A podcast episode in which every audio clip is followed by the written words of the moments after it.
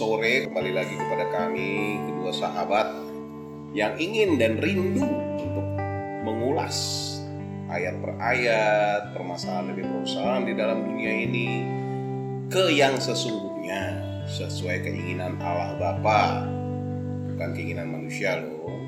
Jadi di sini saya Beben Tobing beserta saudara saya.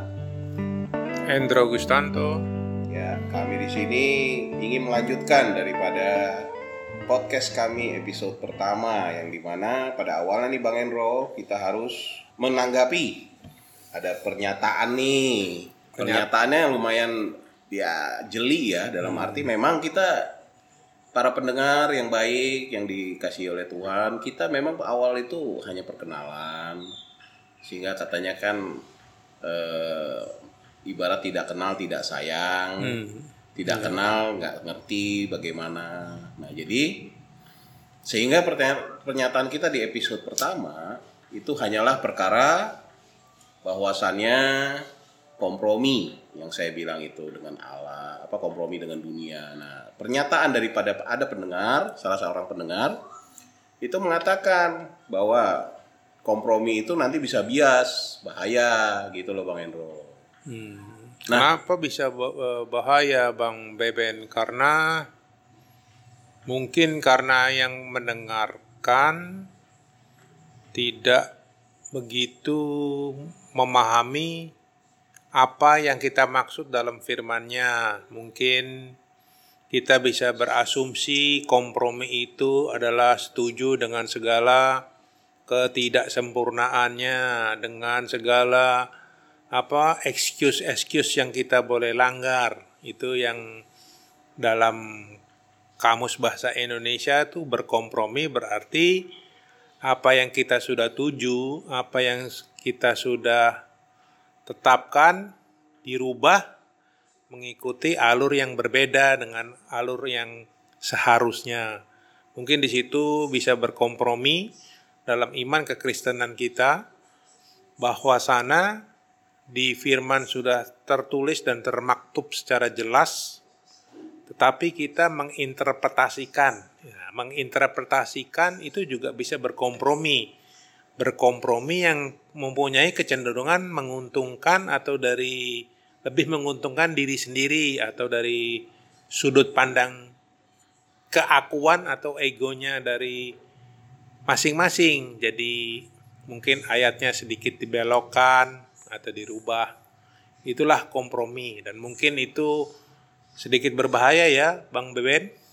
Ya sebenarnya sederhana aja bang, sederhana saja. Gini, para pendengar yang baik yang dikasih Tuhan ini kan mendengarkan podcastnya orang Kristen. Orang Kristen tuh berarti pengikut Kristus. Jadi nggak mungkin dong kalau anda suka Bang Haji Roma Irama, tiba-tiba anda mendengarkan radio Prambors sampai tua juga nggak bakal diputar itu sama radio Prambors. Nah kalau anda ingin mendengarkan iman Kristen, berarti kan anda punya kerinduan pada Kristus. Nah pada saat dibilang kompromi di sini, iman Kristen anda kan mestinya harus bisa menunjukkan bagaikan kompas. Iman Kristen anda itu adalah kompas. Apa yang anda dapat di sekolah minggu, di katekisasi ataupun di sebuah pendalaman Alkitab ataupun bimbingan dari para pendeta, evangelis, itu menjadi kompas bagi kita. Artinya, kompas inilah yang menentukan ke mana arah kita dalam berkompromi. Artinya gini, ya nggak mungkin dong saya di sini menyatakan harus komprominya kompromi yang buruk, atau kompromi yang jelek, atau kompromi yang salah, atau kompromi yang tidak sesuai dengan kehendak Allah. Ya pasti komprominya harus sesuai dengan kehendak Allah gitu bang. Nah sehingga kompromi yang seperti apa misalnya? Nah seperti halnya waktu pesta pernikahan di Kapernaum. Di situ Yesus diminta oleh Maria untuk merubah air menjadi anggur. Yesus itu luar biasa. Dia turun ke bumi ya bukan hanya untuk merubah air menjadi anggur, untuk menebus dosa manusia. Nah, tiba-tiba ibunya aduh, menyuruh Yesus hanya untuk menunjukkan satu hal yang ibarat kalau di sekelas Yesus gitu nih. Aduh, bukan ini tujuan saya ke dunia, ibu atau mama kan waktu itu gitu. Tapi dia tetap melakukannya. Nah, itulah berkompromi dia dengan ibunya, kehendak ibunya. Walaupun dia tahu seharusnya kehendak bapaknya lah yang harus berkuasa di dalam penugasan dia sebagai anak Allah. Jadi berkompromi dengan demi kebaikan begitu Bang Beben? Oh iya dong. Jadi saya nggak perlu menjelaskan dong kepada para pendengar Kristiani yang begitu sangat ngelotok saya rasa keimanannya dan juga oh, Alkitabnya mungkin udah hatam mungkin udah 10 kali bolak-balik ya kan. Masa saya harus jelasin kompromi seperti apa? Kan nggak mungkin Anda berkompromi dengan pembunuh atau pemerkosa ataupun pembegal itu kompromi yang dibenci oleh Tuhan. Nah, jadi kompromi yang saya maksud di sini adalah kompromi Kristiani. Kompromi yang untuk menegakkan dan juga meluruskan dan juga menjalankan apa yang Allah mau. Itu berkompromi. Misalnya, contoh, Anda kaum iman Kristen Anda harus berkompromi dengan siapa? Dengan petugas pajak. Pada saat petugas pajak nagih, jangan Anda bilang Anda berbohong, Bapak punya sofa. Oh, nggak punya padahal sofanya berjejer-jejer. Bapak punya TV oh nggak punya padahal TV-nya TV flat 20 90 inch. Nah gitu bang Enro jadi kompromi itu adalah ya seperti Yesus bilang kan soal dua mata koin.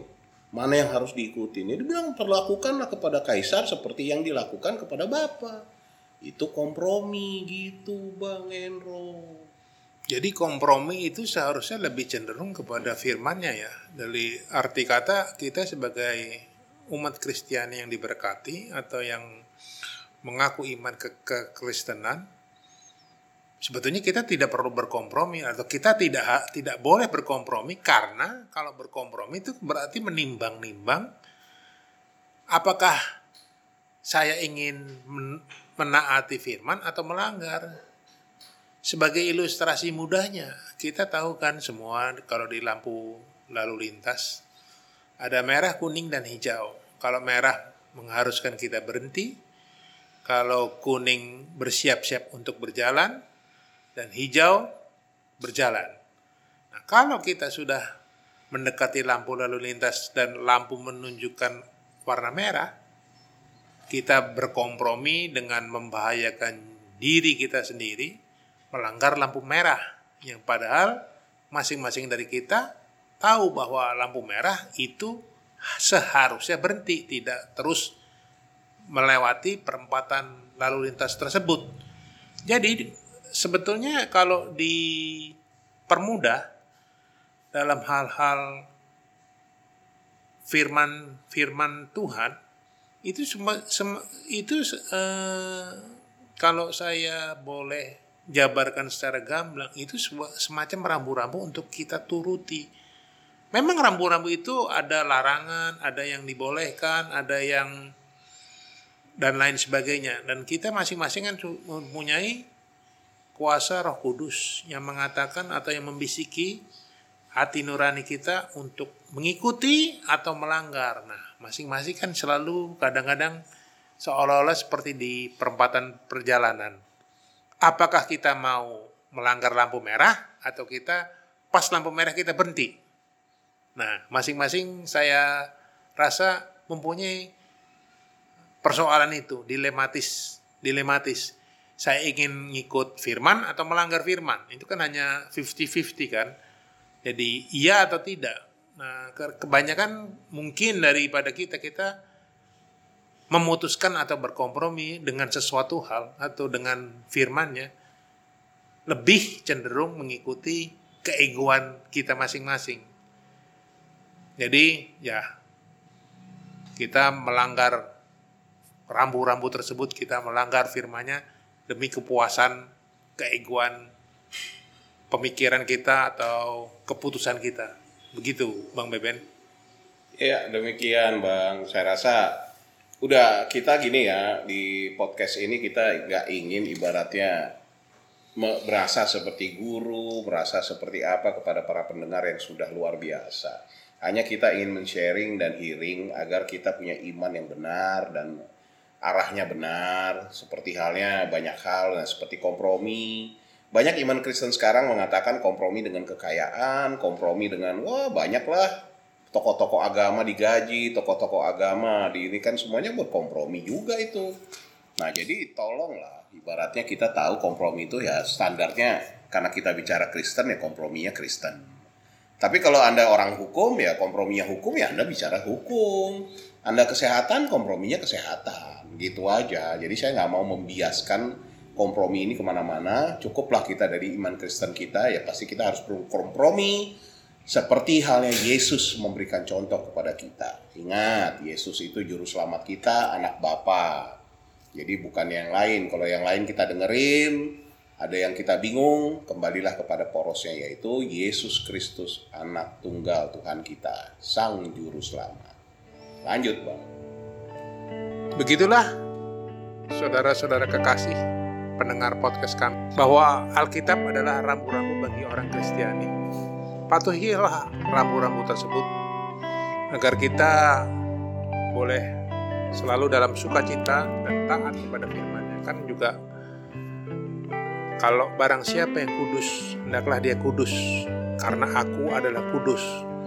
Jadi kalau kita tidak mengikuti mematuhi rambu-rambu yang ada di Alkitab, berarti kita tidak kudus. Kalau kita tidak kudus, apakah layak untuk masuk ke tempat yang kudus? Begitu sekian dari kami berdua untuk sharing sore ini. Terima kasih, sampai jumpa di minggu yang akan datang. Saya Endro Gustanto dan Saya Tobing. Terima kasih. Salam. Tuhan memberkati kita semua.